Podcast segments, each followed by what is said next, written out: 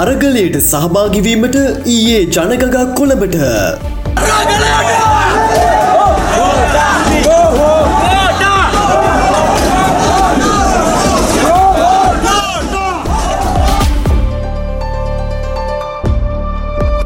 ජනාධිපති ජූලි දහතුන ඉල්ලා අස්වේ. ඔහුගේ ඉල්ලා අස්වීම දහතුන් වන බදාදාදින සිදු කරන බව රටට දන්නවන ලෙස මට මා වෙත දැනුම් දුන්නා. ප්‍රබල අමාත්‍යවරුත් තම අමාත්‍ය දූර අතහරී. ඒ නිසා රටේ සාමය රැකගන්න ප්‍රජාතන්ත්‍රවාදය රැකගන්න ආණ්ඩුක්‍රම ව්‍යවස්ථාව තුළ අපි කටයුතු කරන්න ප්‍රධාන වශයෙන්ම මේ කටයුතු සිදුවිය යුතුයි කියන එකයි අපේ ශ්‍රී ලංකා නිදහස් පක්ෂයේ අදහස. වෙඩි ප්‍රහාරට ලක් වූ ජපාන හිටපු අගමැති ශිංචෝ අබේ මිය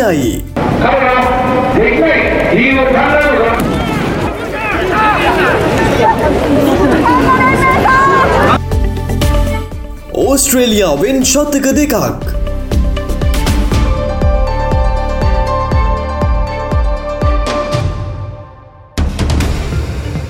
අයිබෝවන් ශ්‍රී ලාංකීය ප්‍රෘති කලාවට නව පිටුවක් පෙරලමින් ශ්‍රී ලංකාවේ සිට පොඩ්කාස්ට් මාධ්‍යෝස්සේ ඔබට ගෙනෙන ප්‍රථම සිංහල සතියන්ත ප්‍රෘති විකාශයෙන් ඔබ හමුවන මම නවිදූ වෙලකෙතර.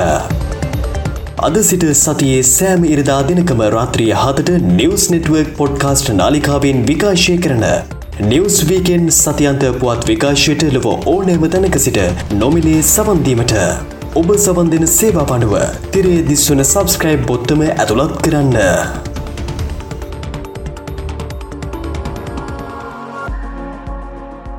පොඩ්කාස්ට් ශ්‍රී ලාංකික ජන සමාජයට නවූ අත්දැකීමක් වෝද ජාත්‍යන්තර මට්ටමෙන් ඉතාම ප්‍රචලිත ඩිජිටල් මාධ්‍යයක් ලෙස පොඩ්කාස්ට් පිළිගනේ. ලොබ විධ රටබල විධ භාෂාවන් යටතේ විධංශයන්ගෙන් පොඩ්කාස්ට් මිලියනයකට වඩා වැඩිගණනාවක් අන්තර්ජාලය ඔස්සේ ලොබපුර ඕනෑමයකුට ශ්‍රවණය කිරීමේ හැකියාව මේ වන විට ලැබී තිබෙනවා. ශ්‍රව්‍ය සහ දෘශ්‍ය අන්තර්ගතයන් ලෙස පොඩ්කාස්ට් අන්තර්ජාලය තුළ පවතින අතර ශ්‍රාවකයා හෝ ප්‍රේක්ෂකයාගේ අභිමතය අනුව ඔවුන් කැමතිවර්ගයෙහි වැඩසටහන් රසවිඳීමේ පූර්ණ බලය ඔවුන් සතුවෙනවා. ඒ අනුව වර්තමානය වන විට ශ්‍රී ලංකා වේද අන්තර්ජාල භාවිතයෙහි ව්‍යාප්තියත් සමඟ පොඩ්කාස්ට් කෙරෙහි වැඩි අවධානයක් යොමු වී තිබෙනවා. මේ අනුව ශ්‍රී ලංකාවේ මුල්ම සිංහල පොඩ්කාස්ට් වැඩසටාන ටෙක් කතා බ්ලොග් ගැටවීමකින් නිකුත් කළ ටෙක් කතා podcast වැඩසටානයි.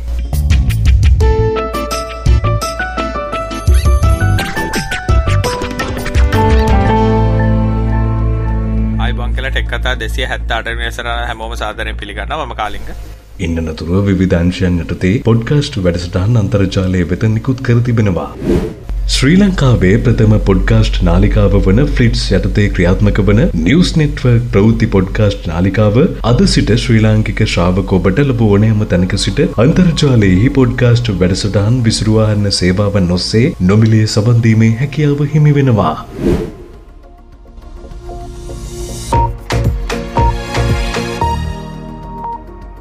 World leaders have paid tribute to the former Japanese prime.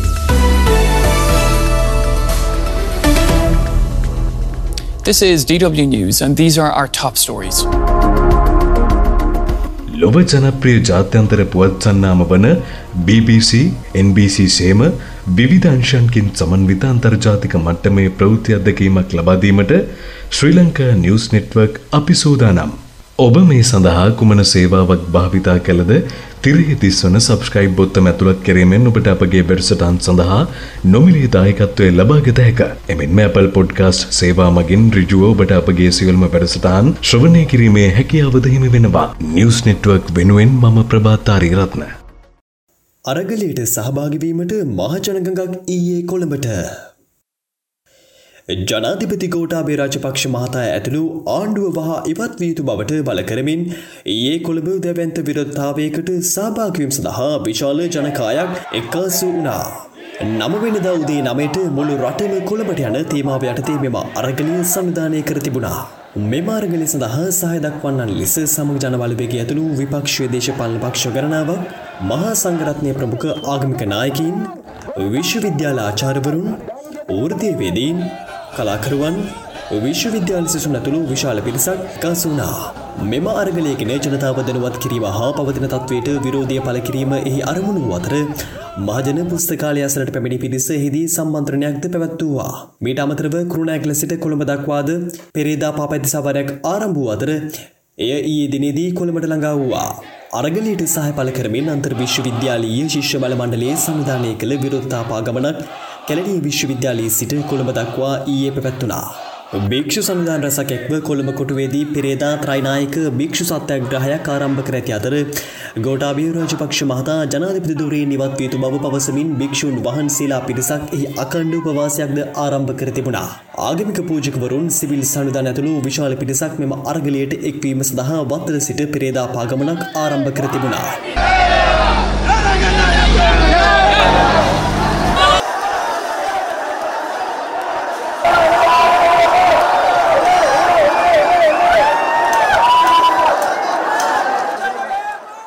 ජනාධිපති ජූලි දහතුන ඉල්ලාස්වේ. ජනාධිපති කෝටාබේ රාජපක්ෂ මහතා ලබන දහතුන් වෙනිදා ඉල්ලාස්වන බවට ලිපියක් මගින් කතානායකවරයාට දන්වා ඇත. ඒ සවස පැවති පක්ෂනායකරස්වීමේදී ජනාධිපති සහ අගමැතිවරයා ඉල්ලා අස්යුතු බව පක්ෂනායකින්ගේ මතය විය. ඒ බව කතානායකවරයා ජනාධිපතිවරයාට දන්වා යවා ඇති අතර එම ලිපියට පිළිතුරු ලෙස ජනාධිපතිවරයා කතානායකයාට සිය ඉල්ලාස්වීම පිළිබඳ දන්වා ඇතැයි කතානායක කාර්යාල ආරංචි මාර්ග කියා සිටී. ඊට අමතරව ජනාධිපති කෝටාබේ රාජපක්ෂ සහ අග්‍රමාත්‍ය රනිල් වික්‍රමසිංහ යන මහත්වරුන් ඊයේ රාත්‍රියේ සිය ඉල්ලාස්වීමේ ලිපිය කතානායකවරයාට යැවීමට නියමිත බව වාර්තා වෙනවා.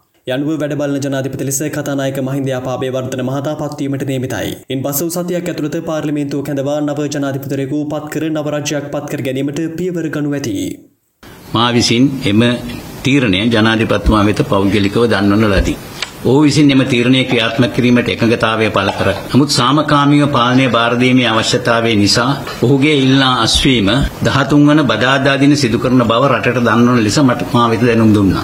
එබැවින් තවදුරටත් රටේ නොසන්සුන්තාවයක් ඇති කර කිරීමට අවශ්‍ය නොවන බැවින් සාමකාමීව පාලනය බාරගත හැකි වන පරිදි රට සංසුන්ව තැබීමට ඔබ සියලු දෙනාගේම සහයෝගය රට වෙනුවෙන් හා අපේ රටේ ජාතිය අනාගතය වෙනුවෙන් ලබා දෙන ලෙස ඉතාමත් ගෞරවයෙන් ඉල්ලා සිටිමි.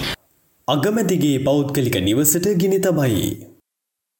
විරෝධකරුවන් අග්‍රමාතය රනිල් වික්‍රමසිංහ මහතාගේ පෞද්ගලික නිවසට කඩා වැදී ගිනි තබා ඇතැයි අග්‍රමාතය මාධ්‍යංශය පවසනවා.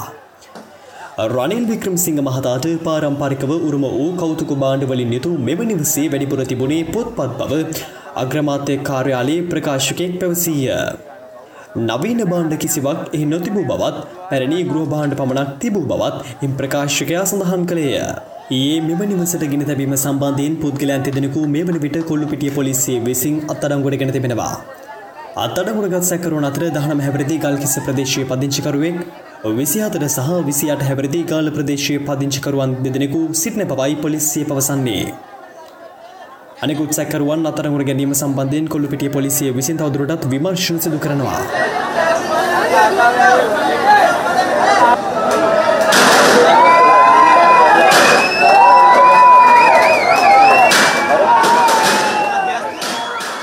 අරගලකරුවෝ ජනාධිපති මන්ත්‍රයට ඊයේ ඇතුළු වූවා. චතම් විදියෝස්සේ ජනාධිපති මන්ද්‍රය දක්වා කමන්ගත් මෙම පිරිස ඒ ජනාධිපති මන්ද්‍රයට ඇතුළු වූවා. ජනාධිපති මන්දිරයට ඇතුළුවන ප්‍රධාන පිවිසුම් දොරටුව විවෘත කරගෙන මිලෙස ජනාධිපති මන්දිරයට ඇතුළු වූ බවයි වාර්තාවන්නේ. ඔවුන් එම ස්ථානයේ සිට විරෝධතාවයක් නිරත වූ අතර අරගල භූමිය ඇතුළු සිසු ස්ථානවල රැඳී සිටි විරෝධකරුවන් එම අවස්ථාවේදී කොටුව ජනාධිපති මන්දිරයේ වෙත ළඟා වූ බවයි වාර්තාවන්නේ.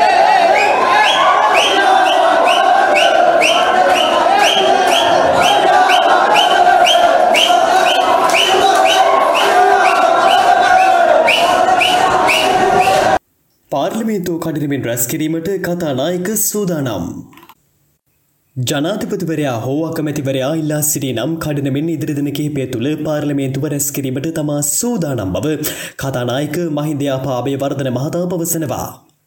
මෙ අතර ඒ පැවති පක්ෂනායක රැස්වීමේදී ගනු ලැබූ තීරණ පිළිබඳ කතානායකවරයා ජනාධිපතිවරයාගේ අවධානයට යොමු කර තිබෙනවා. එහි පළමු වෙන්න වන්නේ ජනාධිපතිවරයා සහ අග්‍රමාත්‍යවරයා හැකි ඉක්මනින් දුරයෙන් ඉල්ලාස්වීමයි. දෙවන කරුණ වන්නේ පාර්ලිමේන්තු ප්‍රජතන්ත්‍රවාදී ක්‍රමවේදයන්ට අනුකූලව සහ විවස්ථානුකූලව මීළඟ පියවර ලෙස වැඩබලන ජනාධිපතිවරයෙකු පත්කර ගැනීම සඳහා දින හතක් තුළ පාර්ලිමේන්තු කැඳවා පොදු එකතාවයකින් තීරණයක් ගැනීමයි. එම ජනාධිපතිවරයා යටතේ වර්තමාන පාර්ලිමේන්තුව නියෝජනය කරන සර්වපාක්ෂික මහජන නියෝජිතයන්ගේ එකඟතාවයට අනුව නව අග්‍රමාතිවරකු ප්‍රමුඛ අන්තර්වාර් රජයක් පිටුවා ගැනීම තුන්වන කරුණයි. ඉන් අනතුරුව නිශ්චිත කාලයක් තුළ මැතිවරණයක් හැඳවා ජනතාවට නව පාර්ලිමේන්තුවක් පත්කර ගැනීමට අවස්ථාව ලබාදීම හතරවන කරුණයි. මිට අමතරව අග්‍රමාතුවරයා වෙසින් විකල්ප යෝජනා තුනක් ඉදිරිපත් කර තිබෙනවා. එහි පළමු වෙන්න වන්නේ ජනාධිපතිවරයා වහා ඉල්ලාස්වී අග්‍රමාන්තිවරයා වැඩබලන ජනාධිපති ලෙස පත්වීමයි. එසේ පත්වී සියලු පක්ෂය කරාශය කරනව අග්‍රමාත්වරයකු ප්‍රමුඛ අන්තර්වාරාජයක් පිහිටවීම එහි දෙවැනි කරුණවේ. ජනාධිපතිවරයා සහ ක්‍රමාතිවරයන දෙදනාමේවත් වී පාර්ලිමේන්තුව තුළින් නියෝජිතයකු වැඩපලන ජනාධිපති දුරයට පත් කර අනතුරුව සර්වපාක්ෂික එකතාවයකින් නව අග්‍රමාතිවරයකු පත් කර ගැනීම අන්තර්වාරාජයක් පිටුවා ගැනීම හා නිශ්චිත කාලයක් තුළ නවරජයක් පිටුවා ගැනීමට අවස්ථාව ලබාදීම එ අතරවේ. විරෝධතාවලදී තුවාල ලැබූ සංඛ්‍යාව එක සිතුනු දක්වා වර්ධනය වේ. කොළඹ කොටුව ප්‍රදේශාශිතව ඒ පැවති විරෝධතාවලදී පුද්ගලීන් එක සිතුන් දෙනෙකු තුවාල ලබා තිබෙනවා. ඉන් පුද්ගලීන් පනස් පස් දෙනෙකු තවදුරටත් රෝහල් ගතව ප්‍රතිකාර ලබන බව කොළඹ ජාතික රෝහලේ ජේෂ්ඨ ප්‍රකාශකයෙක් සඳහන් කළා. එලෙස ප්‍රතිකාර ලබමින් සිටින තුවාලකරුවන් අතර මාධ්‍යවේදීන් නිකොලස් දෙනෙකුද ඇතුළත් වනවා. වෙඩිවැදීම් හේතුවෙන් තුවාල ලැබූ තිදෙනෙකුද මෙවර විට ප්‍රතිකාර ලබමින් සිටින අතර යතරින් එකයිකුගේ තත්ත්වයේ බරපතල බවයි රෝහල් ආරංචි මාර්ග සඳහන් කරන්නේ. අමාත්‍යවරුන් තම අමාත්‍ය දුර අතහරී.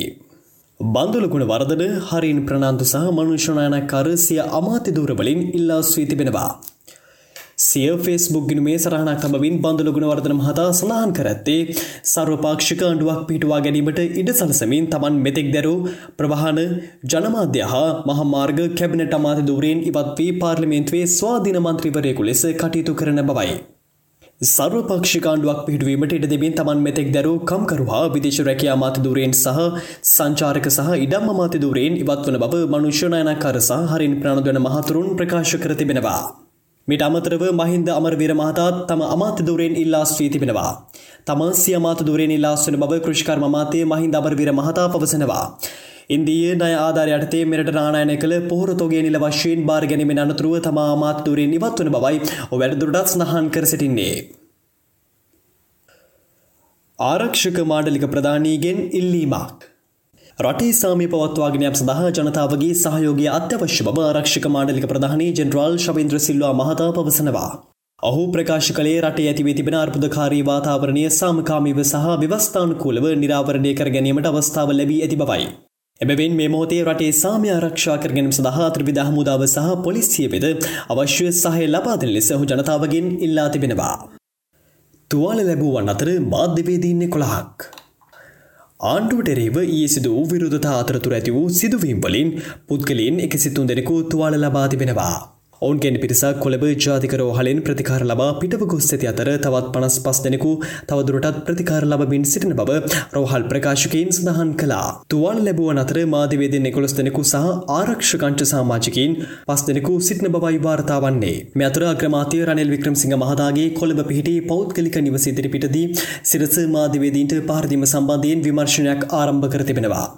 ඒ රාත්‍රී විරෝධකරුවන් අග්‍රමාත්‍ය රනිල් වික්‍රමසිංහ මහතාගේ නිවස ඉදිරිපිට විරුද්ධාවේ නිරතු අතර එහිදී පොලිස් විශේෂකාර බලකාය නිලධාරීන් මාධ්‍යවේදීන් කිහිප දෙනෙකුට පහර දීම් සිදු කළා. යතර සිරස මාධ්‍යජාලයේ මාධ්‍යවේදීන් සහ අද දෙරණ ප්‍රවෘත්තියංශයේ ප්‍රාදේශීය වාර්තාකරුවන් කිහිප දෙනෙකු ඒ අතර වන බවයි සඳහන් වන්නේ. අදාළ ප්‍රහාරය සම්බන්ධයෙන් අග්‍රමාත්‍ය රනිල් වික්‍රමසිංහ මහතා සිය කනගාටුව පළ කර තිබෙනවා. පහරදීම සම්බන්ධයෙන් වගකිවයුතු නිලධාරීන්ට එරෙහිව වහා සුදුසු පියවර ගන්නා ලෙස පොලිස්පතිවරයා නියෝග කර ඇති බව පොලිස් මාධ්‍ය ප්‍රකාශක ජ්‍යෙෂ්ඨ පොලිස් අධිකාරී නීතිඥ නිහා තල්දුව මහතා ඊයේ ප්‍රකාශ කළා. පාසල් නිවාඩුව යළි දීර්ඝ කරයි. පාසල් නිවාඩුව දීර්ඝ කිරීමට අධ්‍යාපන අමාත්‍යංශය තීරණය කර තිබෙනවා. යනුව ජූලි පලසුනදා දක්වා පර්සල් නිවාඩුව ලබාදීමට කටයුතු කරන බවයි අධ්‍යාපන අමාත්‍යංශය නිවේදනය කරන්නේ. යළි පර්සල් ආරම්භ වන්නේ ජූලි දහ අටවනදායි. සුදේ වෙහෙට ආරච්චි ජනාධිපති මාධ්‍ය අධ්‍යක්ෂක ජනරාල් දුරීන් ඉල්ලා ස්වේ. ඒ දින රට තුළ ඇති වූ වාතාවරණයට සමගින් සුදේව හෙට අරච්චි මහතා තමාදරු ජනාධිපති මාධ්‍ය අධ්‍යක්ෂ ජෙනරාල් දොරෙන් ඉල්ලා ස්වේ තිබෙන බව ඒරාත්‍රිය වාර්තා වූවා. හජ් උත්සවය අදයි. මෙරට ඉස්ලාම් බැතිමතුන් සමරුන් ලබන හජ් උත්සවය අදට යෙදී තිබෙනවා. හජ උත්සව වෙනුවෙන් විශේෂාගමික වැඩසරහන් දිපෙන පුරා පැවැත්වීමට නියමිතයි.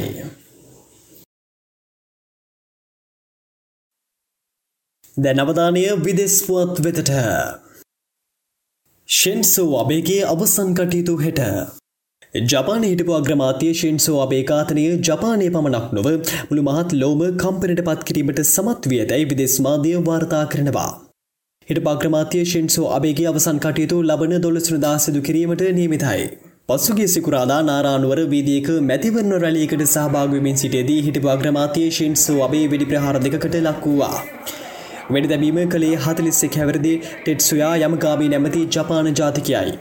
පොලිසිය කඩ්මින් ඔහු අතරගුණ ගත්තේය. ටෙට්සුයා යමගාමී වෙඩි දැබීම කළේ හු විසි නිපදවාගත් බැරල් දෙක තුවක්කුවකිනේ. පළමු වෙඩි පහරෙන් අග්‍රමත්වරයාගේ බෙල්ලත් දෙවැනි වෙඩි පහරින් ඕගේ හදවතත් පසාරු විය. කණ්ඩුමින් රෝහල් ගත කළ හිට පාක්‍රමාත්‍යය රෝහලේදී මියකි බව ජපාන මාධ්‍ය වාර්තා කළා. මේ වන විට අග්‍රමාත්‍යවරයාගේ දේහය ටෝකියෝ නුවර ඔහුගේ නිවසේ තැන්පත් කර ඇති අතර වත්මන් අග්‍රමාත්‍යවරයාගේ ප්‍රමුඛ ලිබරල් ප්‍රජාතන්ත්‍රවාදී පක්ෂයේ නායකයෝ දේහයට අවසන් ගෞරව දැක්වීමට පැමිණි බව ජපාන මාධ්‍ය වාර්තා කරා.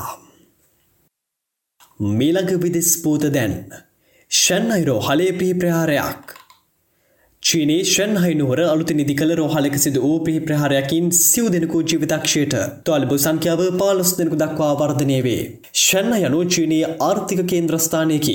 පසුගේ ජූනි මාසයේදී කොවිD-19 වසංගත තත්ත්වය උත්සන්න වීමෙන් නගරය ලොක්ඩවුන් කර තිබුණා. පෙරේදා සිදු වූ පිහි ප්‍රහාරයට හේතුව රෝහලේ පහසුකම් ප්‍රමාණවත් නොවීම හේතුවෙන් ඇති වූ බහින් බත්සීමකි.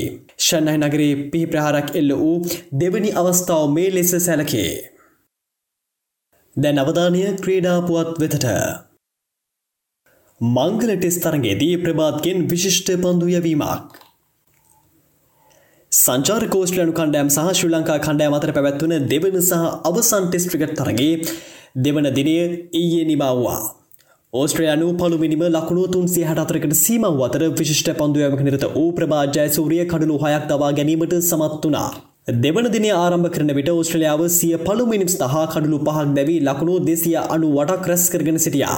ඉස්මිට් සහ කේරි ඊය දිනේදී ඕස්ට්‍රලයා ඉනිමට තවත් ලකුණු තිස්ස එකක් එක්කිරීමට සමත් වනා. යනුව දෙදෙන පස්සන කඩුලට ලකුණු හැත්ත හතක සබතාවයක් ගොඩ නැගූ අතර දිනේ පළමු කඩුල් ලෙස ඇලෙක්ස් කේරි ලකුණු විසියටකට දැවීගිය. ඕස්ට්‍රේලයා ඉනිමේ අවසන් කඩලු හතර ලකුණු හැටහයක් තුළ බිඳ වැටනු අතර විශිෂ්ට පන්දුයවීමක නිරත ඌ ටෙස් වරම් හිමිකරගත් ප්‍රභාජ්‍යය සූරිය ලකුණු එකසිදහ අටකට කඩලු හයක් දවාගත්තේය. ඔහු වාර්තා අතරට එක්වූයේ මංගල ටෙස් තරගෙකදී කඩලු හයක් දවාගත් තුන්වන ශ්‍රී ලාංකික පන්දුය වන්නා ලෙසයි. ඒ සමගින් නිවස් වීකෙන් සතියන්ත ප්‍රවෘති විකාශය අවසන් වනවා සතියන්තය උණුසුම් කළ දිස් විදෙස් ආර්ථික හා ක්‍රීඩා ප්‍රවෘති දැන ගැනීමට තිරේ දිස්වන සබස්ක්‍රයිබ් බොත්තම ඇතුළත් කරන්න. ලබන ඉරිදා රාත්‍රිය හතට නැවත හමුවමු ඔබට ජයග්‍රහහි සතියක්.